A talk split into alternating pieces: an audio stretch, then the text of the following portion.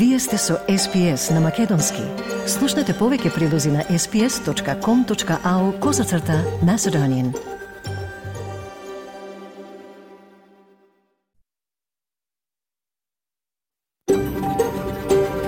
SBS, a world of difference.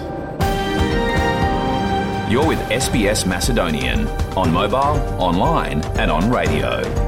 Вие сте со SPS на Македонски, на мобилен, преку интернет и на радио.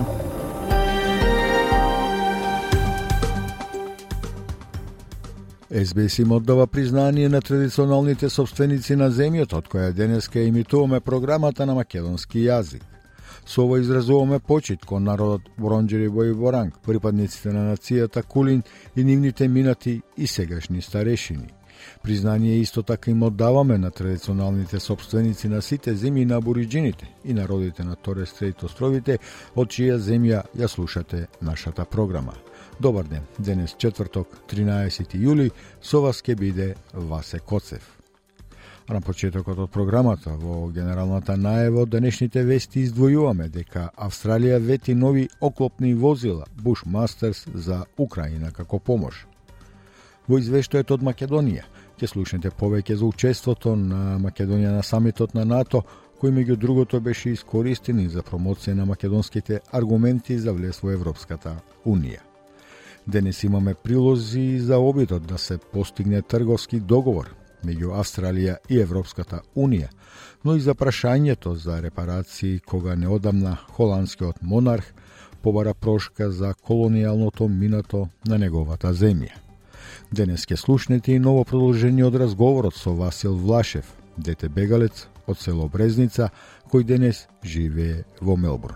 Останете со нас, продолжуваме со најновите вести.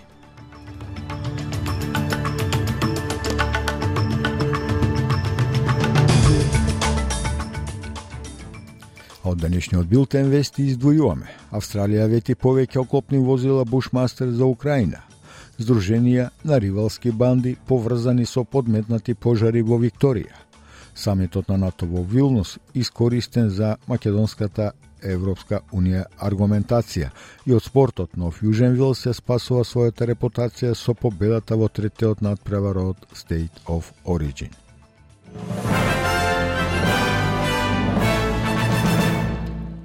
Представници на полицијата во Викторија велат дека серијата неодамнешни подметнати пожари во Мелбурн е поврзана со раздор меѓу ривалските банди. Единицата за пожари и експлозиви ја прошири својата истрага за да вклучи две работни групи. Неодамнешниот пожар на пазар во Колингвуд предизвика загриженост за безбедноста на заедницата. Детективскиот инспектор Крис Мари вели дека е премногу рано да се разберат мотивите. It wouldn't be a far stretch to think there's going to be drugs involved in this. Uh, it's not going to be a stretch to think that there's outlaw motorcycle gangs, uh, you know, working either with or against Middle Eastern organised crime groups. So, yeah, I think that's we're looking at all angles.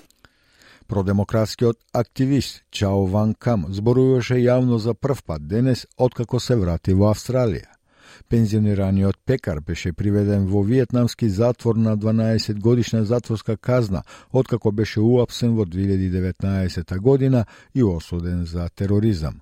Неговото судење траеше помалку од 5 часа и беше оценето како измама. Чао Ван Кам беше повторно обединет со своето семејство во Сиднеј во вторникот по представките пред федералната влада, вклучително и од премиерот Ентони Албанезе, кој лично го подигна неговиот случај во Виетнам. Тој ми се обрати на медиумите со неговиот адвокат и представник од групата за човекови права Amnesty International, велејќи при тоа дека се чувствува многу нервозен, толку нервозен затоа што сум многу среќен. И никогаш не сум нервозен од пред вьетнамските службеници, туку пред вас сите убави луѓе кои ми помогнаа и, ми вра... и ме вратија дома. Uh, the first time in front of you, so uh, I feel so nervous, so nervous, because I'm so happy. And I never nervous in front of the Vietnamese official. But in front of you, all the really good people and really helpful people, to help me, bring me back home. Thank you Oh, Амбасадорот на Украина во Австралија, Васил Мирошниченко, вели дека австралиската посветеност со помошта со австралиските оклопни возила Bushmasters ќе послужи како херој на војната на Украина со Русија. Премиерот Ентони Албанези се враќа во Австралија по средбата со украинскиот председател Володомир Зеленски на маргините на самитот на НАТО и вети 30 дополнителни оклопни возила Bushmasters за Украина. Пакетот се надоврзува на предходната посветеност на Австралија од 90 Буш Мастерс, со што вкупниот број сега достигна 120. Амбасадорот Мирош Ниченко изјави за Севен Network дека е благодарен за подршката. They are tough, they are versatile, they are agile, and they are saving lives. And I hope to bring um, a Ukrainian veteran and a medic who've been using them uh, to Australia in order so that they could meet uh, personally Prime Minister Anthony Albanese to thank him for that support. And uh, they've been essential, uh, very helpful, and uh, Bushmaster has become a symbol of the Australian support for Ukraine. Голем број нови безбедносни мерки најавија земјите од Г7 намените за заштита на Украина од идни напади. Декларацијата на седумте индустријски развиени земји во светот одредува како сојзниците ќе ја поддржат Украина во наредните години за да се стави крај на војната и да се одврати и да одговори на секој иден напад. Тоа следи попресилното соопштение на НАТО за неговата намера да го поедностави патот на Украина кон евентуалното членство. Американскиот председател Џо Бајден, кој ја објави оваа изјава покрај останатите лидери на Г7 и председателот на Украина Володомир Зеленски, вели дека иднината на Украина е во НАТО. That's not a surprise to any of us, I don't think. I hope it's not a surprise to you, Mr. President. Allies all agreed to lift the requirements for membership action plan for Ukraine and to create a path to NATO membership while Ukraine continues to make progress on necessary reforms. But we're not waiting for that process to be finished to make the long term commitments that we're making to Ukraine's security. Хју Едвардс е именуван како суспендиран водител на BBC, кој се најде во центарот на неодамнешните обвинувања дека машки водител платил млад човек за сексуално експлицитни фотографии. Неговата сопруга, Вики Флинт, објави сообштение во кое вели дека незиниот сопруг страда од сериозни проблеми со менталното здравје и дека во последниве години се лекува од тешка депресија. Таа бара приватност за незиното семејство и вели дека Едвардс длабоко жали за многуте колеги кои беа погодени од неодамнешните медиумски шпекулации. Полицијата вели дека нема информации кои укажуваат на сторено кривишно дело. Наводите првично беа објавени во вестникот Сан, а портпаролот потврди дека медиумот нема намера да објавува дополнителни наводи. Македонскиот премиер Димитар Ковачевски на крајот од дводневниот самит на НАТО Алијансата што се одржа во главниот град на Литванија Вилнус на пресконференција говореше за перспективата на Македонија како и за тоа што значат донесените одлуки на самитот за Алијансата, за Македонија како држава и како членка на НАТО. Ковачевски рече дека македонската заложба според стандардите и обврските спрема НАТО за инвестиции во одбраната од најмалку 2% од бруто домашниот приход, од кои 20% треба да се наменети за модернизација, се веќе приближно остварени и додаде. Ние оваа година имаме 1,85% од бруто домашниот производ наменети за одбрана или вкупно 274 милиони евра. Следната година, според буџетската проекција, веќе достигнуваме 2% од бруто домашниот производ, односно 304 милиони евра и ќе го држиме тоа ниво и во иднина. Независната пратеничка Даели вели дека австралиските политички сили се недоволно опремени да се справуваат со случаи на семено насилство. Истрагата за убиство е во тек од како една жена беше пронајдена мртва во дом во Западен Сиднеј по сумнителен инцидент. Низиниот поранешен сопруг моментално е под полициска стража во болница. Кристин Ракич предходно донесе наредба за приведување поради наследство против 50 годишен маж. Господја Ли за Nine Network рече дека немаат ресурси за да им дозволат на жените да ги напуштат насилните домакинства. We have very few of those refuges and we need to do something more in terms of the government really has to step in to provide this support for women uh, and for families who are actually being exposed mm. to this kind of violence in the homes. Ако вие или некој што го познавате сакате да зборувате за семејно или домашно насилство, јавете се на 1800 Респект на 1800 737 или јавете се на Lifeline на 131114. Во итен случај јавете се на 000. Прифаќањето на вакцината против грип е во опаѓање во Австралија и покрај порастот на случаите. Речиси 2 милиони помалку австралици примиле вакцинација против грип оваа година во споредба со истиот период од март до јули минатата година. Австралискиот регистар за имунизација сугерира дека околу 8,5 милиони австралици примиле вакцина против грип во периодот од почетокот на март до 9 јули оваа година. Во исто време минатата година, повеќе од 10 милиони австралици ја примиле вакцината. А Крист, Кристи Шорт е виролог на Универзитетот во Квинсленд и вели дека заморот од вакцините може да стои зад падот. What these cases highlight to us is really the importance of vaccination. And it, it's very difficult because I think people very much have vaccine fatigue. We've gone through a lot over the past few years and, you know, been asked to get a lot of vaccinations and a lot of boosters. Um, and maybe the flu doesn't feel like such a, such a threat. Um, but it is really important to get vaccinated every year because the vaccine gets updated annually. И покрај нивната победа два пати поред во State of Origin, капитенот на Квизланд Дели Чери Еванс вели дека тоа било тешка сезона за нив. А сините успеа да спасат малку од својата репутација вчера вечер, откако ги загубија првите два надпревари, добивајќи го третиот надпревар со 24 спрема 10. Над 70.000 навивачи се собра на Олимпискиот стадион во Сидни додека Квинсленд играше против Нов Јужен Велс. Нов Јужен Велс водеше со 18 спрема 10 на полувреме, благодарение на Брајан То, Бредман Бест и Џош Атка. Капитенот на Квинсленд, Дели Чери Еванс, беше љубезен во својот победнички говор, велејќи за Fox Sport дека секогаш е задоволство да се игра на толку голема сцена. I want to thank the Blues for the series. It's been a tough series regardless of the result. These, these guys played fair all the way, made it a tough series and we had to work every bit of it. So thank you very much for the Blues. I want to thank everyone that's come here tonight, in particular you Queensland fans.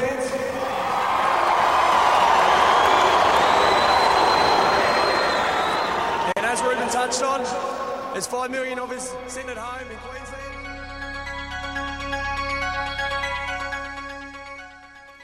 Од најновата курсна листа денес каде на австралијски долар се менува за 0,60 евра, 0,67 американски долари и 37,35 македонски денари, додека 1 американски долар се менува за 55,39 македонски денари, а 1 евро за 61,33 македонски денари.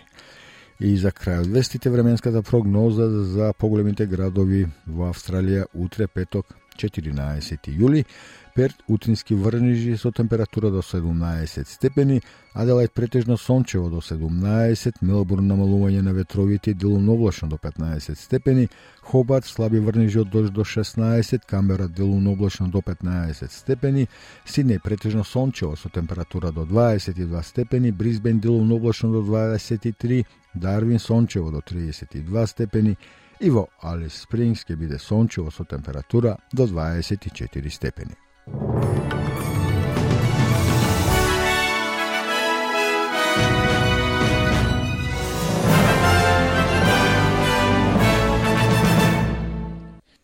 Слушате СБС радио, програма на македонски јазик. Денес со вас е Васе Коцев.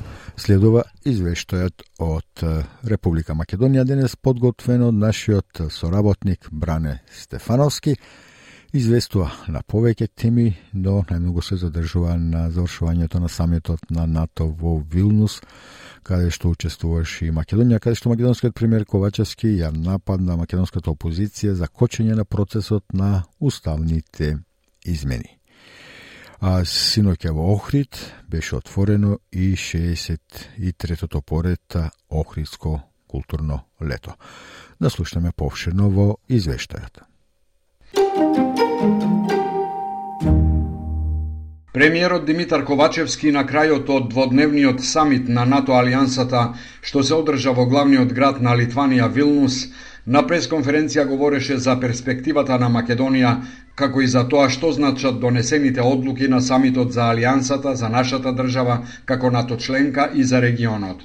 Тој рече дека македонската делегација, во чиј состав беа и министерот за надворешни работи Бујар Османи и министерката за одбрана Славјанка Петровска, имале состаноци со лидерите на НАТО членките, но и со лидерите на ЕУ, на Украина и блиските партнери од Индо-Пацификот, Австралија, Јапонија, Нов Зеланд и Јужна Кореја. Ковачевски рече дека македонската заложба според стандардите и обврските спрема НАТО за инвестиции во одбраната од најмалку 2 насто од бруто домашниот производ, од кои 20 насто треба да се наменети за модернизација, се веќе приближно остварени. Тој рече: Ние оваа година имаме 1,85% од бруто домашниот производ наменети за одбрана или вкупно 274 милиони евра, Следната година, според буџетската проекција, веќе достигнуваме 2% од бруто домашниот производ, односно 304 милиони евра, и ќе го држиме тоа ниво и во иднина. Ковачевски рече дека Македонија продолжува со недвосмислена и силна поддршка на Украина, дека активно се работи со целосна посветеност на остварување на втората стратешка цел, а тоа е полноправното членство во ЕУ. Ковачевски меѓу другото рече: Секое кочење кое политички партии пред се од опозицијата го прават во нашата држава и тука најмногу мислам на ДПМН и кое што го прават во собранието и во однос на блокадите на реформите и во однос на несоработката за одлуката за уставните амандмани е директно и активно работење против зачленувањето во Европската Унија, а со тоа и против НАТО и стабилноста и безбедноста на регионот. И ова повторно е јасно за сите тука, и за нашите најато сојузници и за партнерите во НАТО, односно Европската Унија, кои денеска тука се со нас. Ковачевски најави дека уставните амандмани во парламентот ќе влезат до крајот на месецов. Во Вилнус, министерот за надворешни работи Бујар Османи се сретна со својот колега од Грција Јоргос Герапетритис.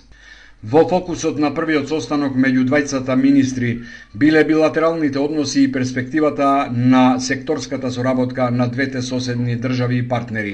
Во тој контекст била издвоена соработката во енергетиката и во гасното поврзување.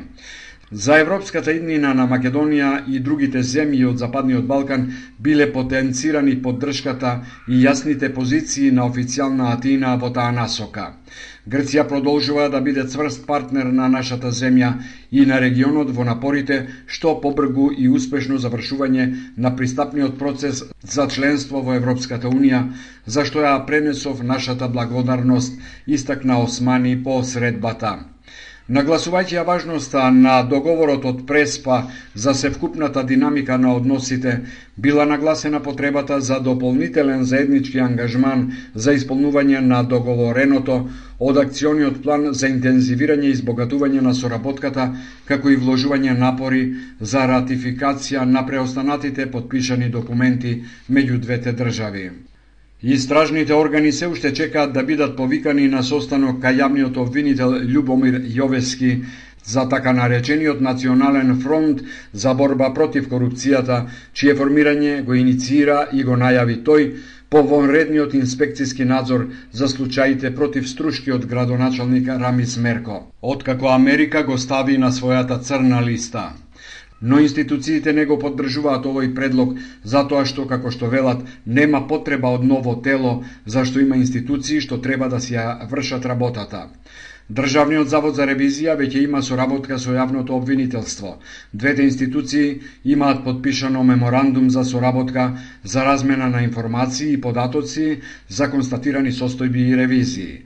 Државниот завод за ревизија како врховна ревизорска институција во државата во континуитет стои на располагање со својата експертиза, стручност и професионалност на сите надлежни институции во системот за превенција и борба против корупцијата, соопштува ДЗР.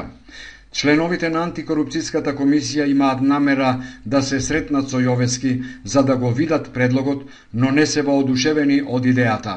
Председателката на комисијата Билјана Ивановска за ТВ Сител изјави дека во последниот период соработката и комуникацијата со јавното обвинителство се подобрува.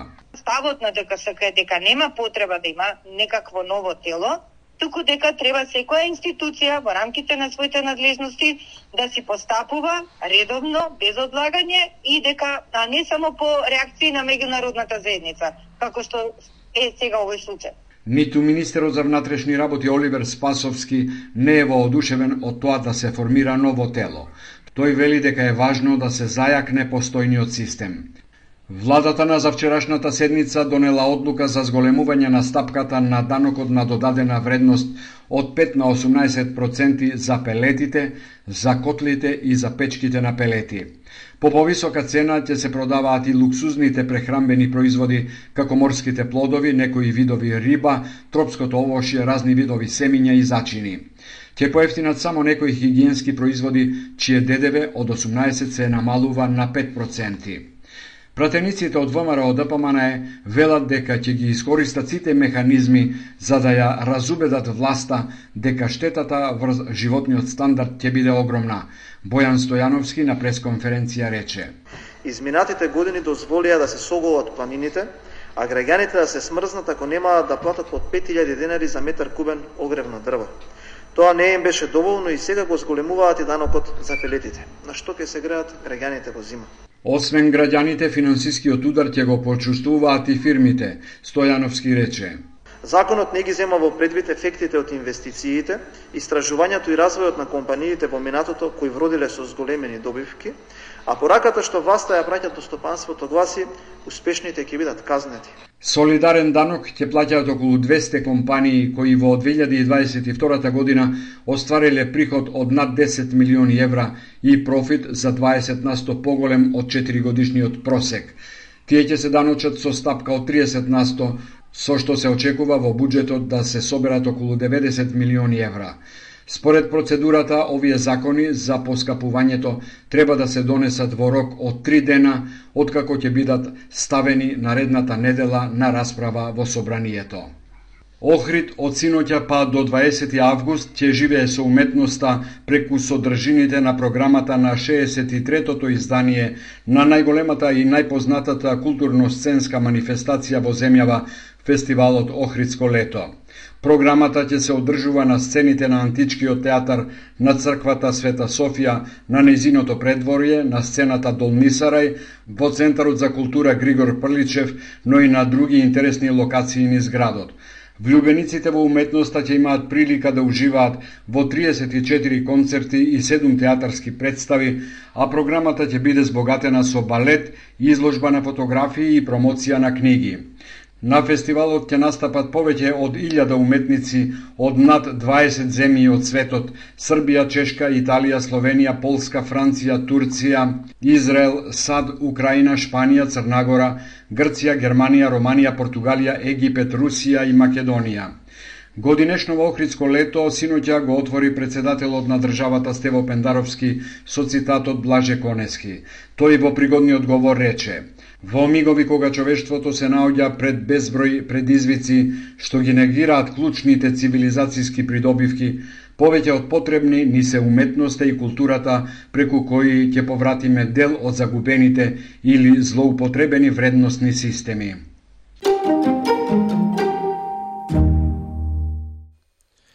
На програмата на македонски јазик на СБС радио го слушавте извештајот од Македонија. Денес го подготви нашиот соработник Бране Стефановски. Денешниот извештај заедно со вестите што ги слушнавте на почетокот од програмата можете ги најдете во текот на денешниот ден на нашата веб страница sbs.com.eu косацрта Macedonian и на Facebook SBS Macedonian. Слушате СБС радио, програма на македонски јазик. Денес со вас е Васе Коцев. Прашањето за репарации повторно беше во центарот на вниманието, овој пат во Холандија.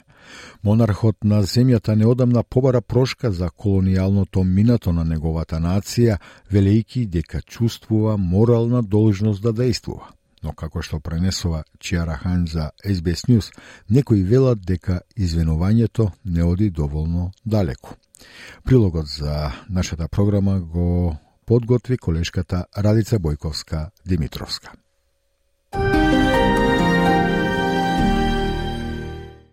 Холандскиот крал Виле Александар се извини за историската вмешаност на Холандија во робството и последиците што ги има и ден денес. На церемонијата по повод 160 годишнината од законското укинување на робството во Холандија, вклучувајќи ги и неизините поранешни колонии на Карибите, кралот зборуваше за градење свет без расизам, дискриминација и експлоатација. По признанието и извинувањето, тој упати повик, цитат, Ајде да работиме заедно, да го потикнеме исцелувањето, помирувањето и закрепнувањето, за да можеме да се гордееме со тоа што заеднички го споделуваме. И додаде, за да можеме да кажеме дека времињата се сменија, синџирите се скршени. Вистина е. We hebben allemaal onze eigen familiegeschiedenis. We all have our own family history, our own emotions, our own cultural traditions that ground us in our communities, our rituals that comfort us, symbols that encourage us, and words of wisdom that resonate in our hearts. All those traditions are precious and they deserve respect. But let us also reach out beyond them to each other to build a world without racism, discrimination, and exploitation. After acknowledgement and apologies, let us work together to foster healing, reconciliation, and recovery so that we can all be proud of what we share, so that we can say times have changed. The chains are broken. It's true. De ketenen zijn verbroken. Echt waar. Кралот вели дека расизмот во холандското општество останува проблем и разбира дека не секој би го поддржал неговото извинување. А извинувањето доаѓа во време на пошироко преиспитување на колонијалното минато на Холандија, вклучително и вмешаност и во трговијата со робови во Атлантикот и во робството во незините поранешни азиски колонии. Кралот биле Александар исто така се извини во Индонезија во 2020 година за прекумерното населство за време на холандската колонијална власт. Во декември премиерот Марк Руте призна дека холандската држава сноси одговорност во трговијата со робови во Атлантикот и дека профитирала од тоа. И се извини. Но господин Руте рече дека владата нема да плаќа репарации како што препорача советодавниот панел во 2021 година.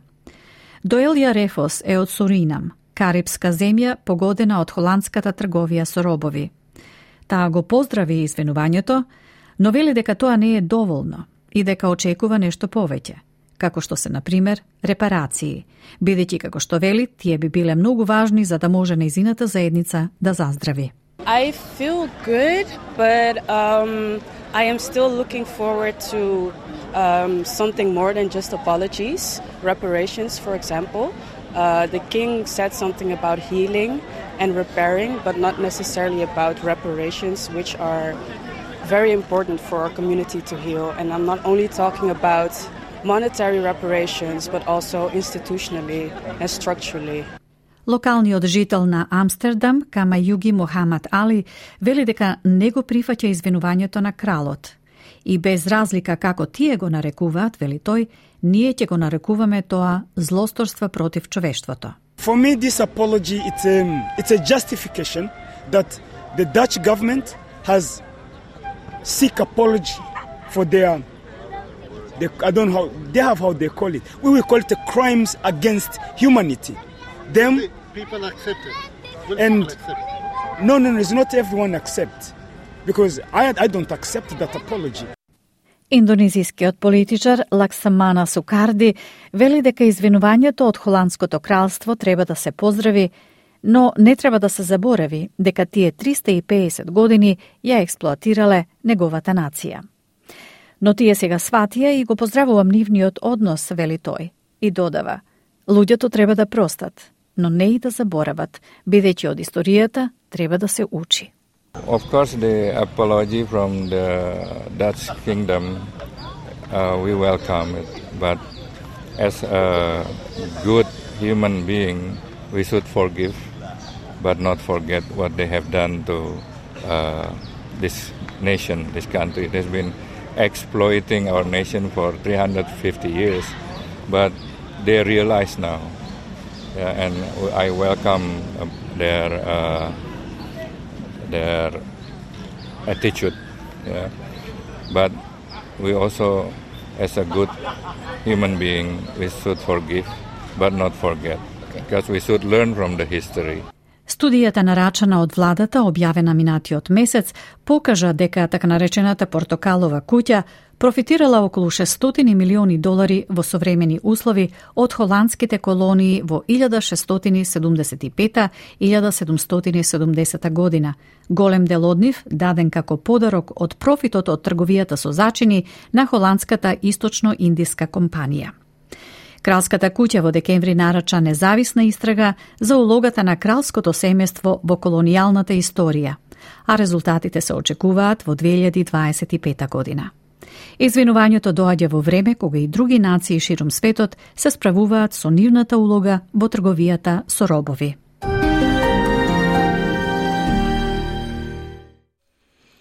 Во продолжение уште еден прилог, а последниот обид на Австралија да обезбеди договор за слободна трговија со Европската Унија попушти поради популарните имиња на вино и сирење. Премиерот ја искористи шансата што му беше даден од саметот на НАТО за меѓународен ангажман за да се заложи за поблиски трговски врски. Прилогот за SBS News го подготвија Ана Хендерсон и Алекс Анифантис.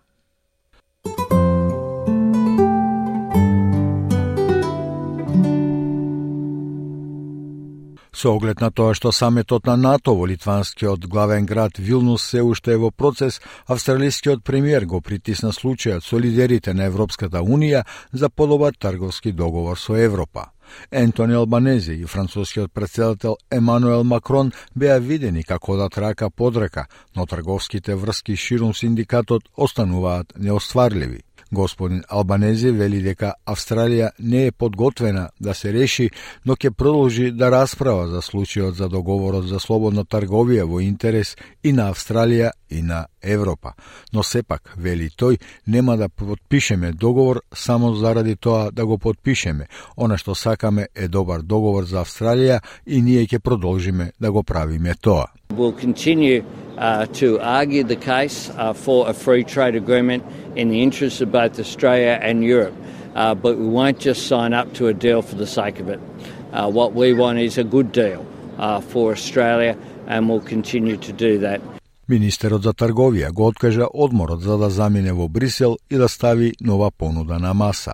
Но Дон Фарел се враќа од преговарачката соба со празни раце.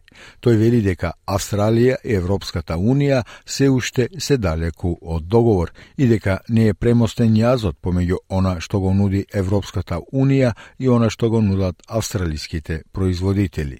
We haven't bridged the gap between uh, what the European Union uh, is offering and what Australian uh, producers, businesses accept, uh, expect out of a, a free trade agreement.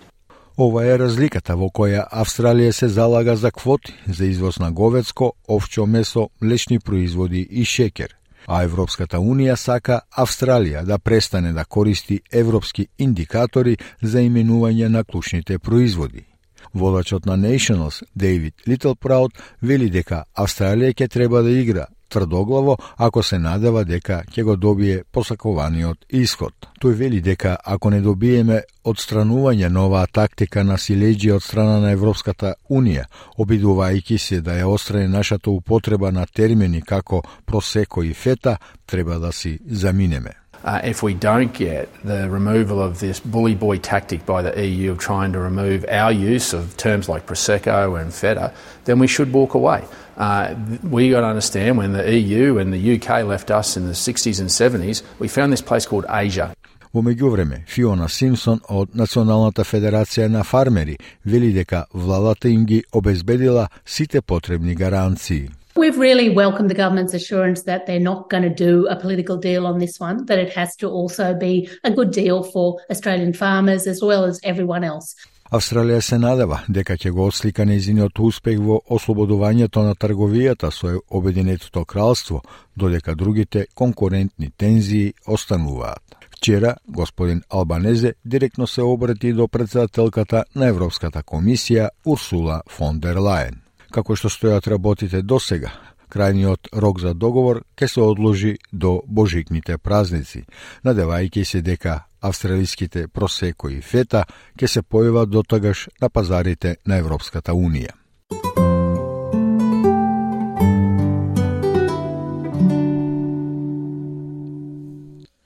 Како што најавивме пред рекламниот блок, денес ќе го слушнете новото продолжение од разговорот со господинот Васил Влашев, чиј живот бил доволно тежок и без војни и без бегства. Неговата приказна како дете бегалец од 1948 година ќе ја чуеме и во денешното продолжение од подолгиот разговор со него. Васил Влашев е роден во селото Брезница во Егејскиот дел на Македонија и сеќавањата за тие денови и години поминати во детските домови кај него се уште се кристално јасни како да се случило вчера.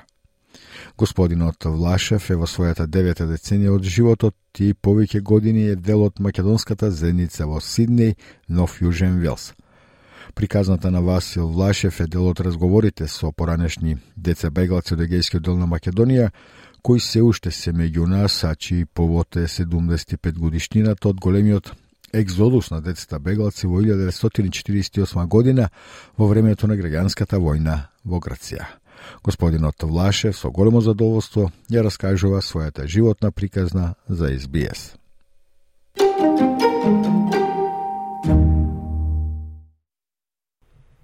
Избегаме 48 година дечките од стелото, 124. И имаме таму а, а, три како парамајки има е поделено на сека група некои 25 со 30 дечки. Да, и тие, наз, тие назначени беа од од комунистската партија таму. Така беше. И сега патуваме да бегаме и по, само по ношија, по месечината. По, по дењата не беше страх, зашто гревеа авионите. И на уште не може да разбера. На година што сум сега. Како беше таа пропаганда? Грчкиот систем знаеше што бере дечките 20, 28 милиарди дечина од, од, од цела Грција. Да. Не не спречие. Но кај што беше политиката ти вели сега, ти изчистиме корењата од младите корења, right? без да има намаканија полека полека, и нека му бери гајле други. И, и ка, не, може чудесно ми е. И сега бараме ние по подношја, стигнаме во, во, во Преспа, велиме тамо едно селце беше како а, Нивице, мислам, седаме тама на вечера по ношната и сања да ги дојат тама камиони од а, а, Република Македонија. И таму и, и тие не знаеш што става, зашто имаме, имаше малце проблеми. Тито заставаше оружје да пуши меѓу границите за партизани да се да се бие. И таму и таму знае што деците што децата остави ровното место да се спасе. Беше една ноќе към 11 сајата во Битула. Беше еден трен, а, трен и чекаше таму към 11 сајата. Нека доја таму ние што имаме тро плачички, тро со пенци повеќе беме. Да. Нека доја во трену и два, две, три вечери и три дена чук, чук, чук, чук, чук, стигнаме во Романија. И ние по никаков да заплачи човек или да или да да рече дека оеме ништо теку дисциплина што беше не знаеме де одеме и дека не беше судбината. Никој не ви даде некој објаснување да Нико по никаков начин. Ништо. Нико, ма, така, така беше тајна работата и од една страна и од друга страна. ти велики изчистваме баш големите, малите и се дека се бориме за другите. Партизаните ще бе тия. Е, фастиме, кога се свърши за не, а, то избегамо од целото ние, граѓанската војна сврши на 49 година. Сестра ми ојде во Русија, мајка ми ојде во Полша и ние со малата сестричка во Руманија. Мајка ми и сестра ми кога сврши граѓанската војна, 49 година, како партизани, Да. мајка ми аз војде или ја пушие во Полша. Сестра ми во Русија, во Ташкент. И немаме никаква поима. Нито со мајка ми, нито со сестра ми, нито со татко ми. Свршиме ние со малата сестра во Руманија. Во Руманија, кога да, да, да, најдоја тамо а, две големи палати бе на, на богатите во Руманија, со комунистскиот систем во 45 година таму истераат ја и остана таа на народот. Е, накладаја тамо како дечки ние, не извије, не изчистие, не да дојаме од се малече плячки, нека доје едно, едно синглет, друга шурки, тро, а, тро роба шуз, такви работи. И ние радваме за пустице, да ти кажа, се губена живот и не знаеме дека беме. Е, поминаме ка поминаме то време, се собраме тамо доста, доста дечина, ќе ти кажа бе тие 48 милијади мали од една година до доле од 15 години. 48 или 28? Што? Деца. Илјади. На 28 милијади. Да. 28, 28 children. Да. Е, 28 милијади дечи да се собраја од цело а, Грција, тие што бе во, во, во, во комунистскиот систем и Грци се бере кај што ние се, се боре, кај што ние се бореме за човешки права, така и тие се боре. И се собраме таму за малце време, И во наша група, од целото што, што беме 20, 124 а, чупина и дечина, дојде на една организација од Букурешт, зве да не рани две групи.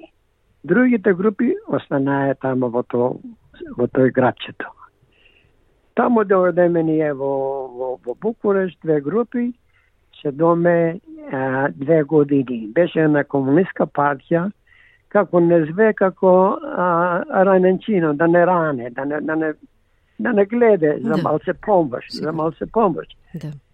Но исто времено, дека беше таа голема куќа, и на беше напред беше само железо, не можеме врати да отвориме и градее многу стари грци што беа преселени во Румања по години, што беа што работае по трговија, по а, вампорите, по такви работи. Да.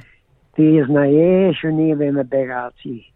И градее тамо in, uh, in да ни да, to, to, да, to talk to us.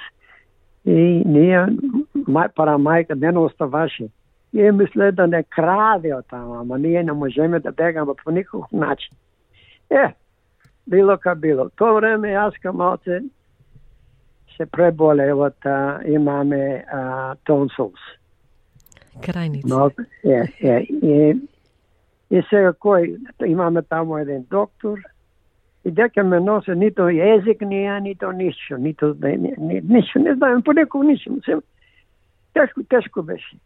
И сега ме носе сега да, да, да правам, да извам тонсолите. Одам на болницата таму, малечко дете, били, чако да зве, дали бе 12 години. И тоа време а, науката беше теку западна. И ми изваваат и тонсо, се пометвам беше едно ноже, таркалесто, и би посекоја тонсолите и фалие во еден леген пред мене. Не те заспа, мислам, не те не ти как, опака? варе, како, какво заспање. Како Така, бе, без, без опојка, ништо? Ма не, без ништо, без ништо. Така, ма, ма, ма а, а, после 35 година, а, и Руманија беше во голема криза. Know? Не може и тие да даде све. Е, било ка било, ме кладое во едно, во една одајка тамо со два стари романци. И по време беше камо собајлито, камо 3-4 сајато. Пула и обите, и едното, и едно, и другите ми умре. И ми оставие мене малечко дете тамо, ме го неи. И јас кој што знае од селото, ќе дојди ангелите, да ќе дојди, ќе дојди Господ, ќе дојди вака, нака, ќе дојди. Му рипна од кревето, од пат, од греов лошо беше, до на четвртиот спад, по скалите, плачи, плачи, плачи, за да, за да се ми умрее тие, што ќе праве јаска. А, а, а, уште еднаш објасни ми, Васил, кои беа тие двајцата? Романци бе, романци. Романци, значи од домот. Од дом, од дом. Mm -hmm. Тие беа бомбили, овие ама си умре, на кој доја мего мего мего не име. Да, да. Е. И почнам да плачам вака онака, и се врати назад ме застанаа тро тро доктори, ме кој доја назад. Седне по време, потом доби инфекција, инфекција.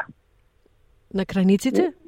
И, не, на е, инфекција. Требаше да седне, седне. Четири месеци на болницата сам. нито мајка, нито татко, нито никој. Е, по време, по време ме, ме, ме, ме, ме искушие дома и дојдојате две години таму и се не требаше да бегаме од, та, од та, тој град, да се собериме во друго место што беше а, имае некои 15-16 големи издања на шо баранги што беше за Аскеро, романски. Да.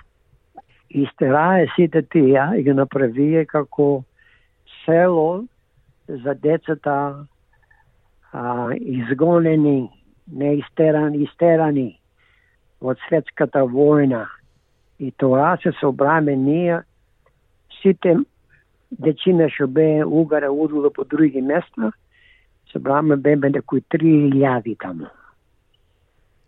Македонски, се- македонски Маке-?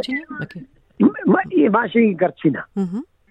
Но правилно ти кажа, имаше гарчина, ама треба да му говориме по грцки на, на, на гарчината. Тие не сакаа по некого влад да, да знае македонски. Од една страна, ние бе благодарни, знаеме и македонски и грцки знаеме. Удеа, а, удеа да не учи некој. Ние имаме полза повеќе, тие имаа загуба. Да. Но така, така беше.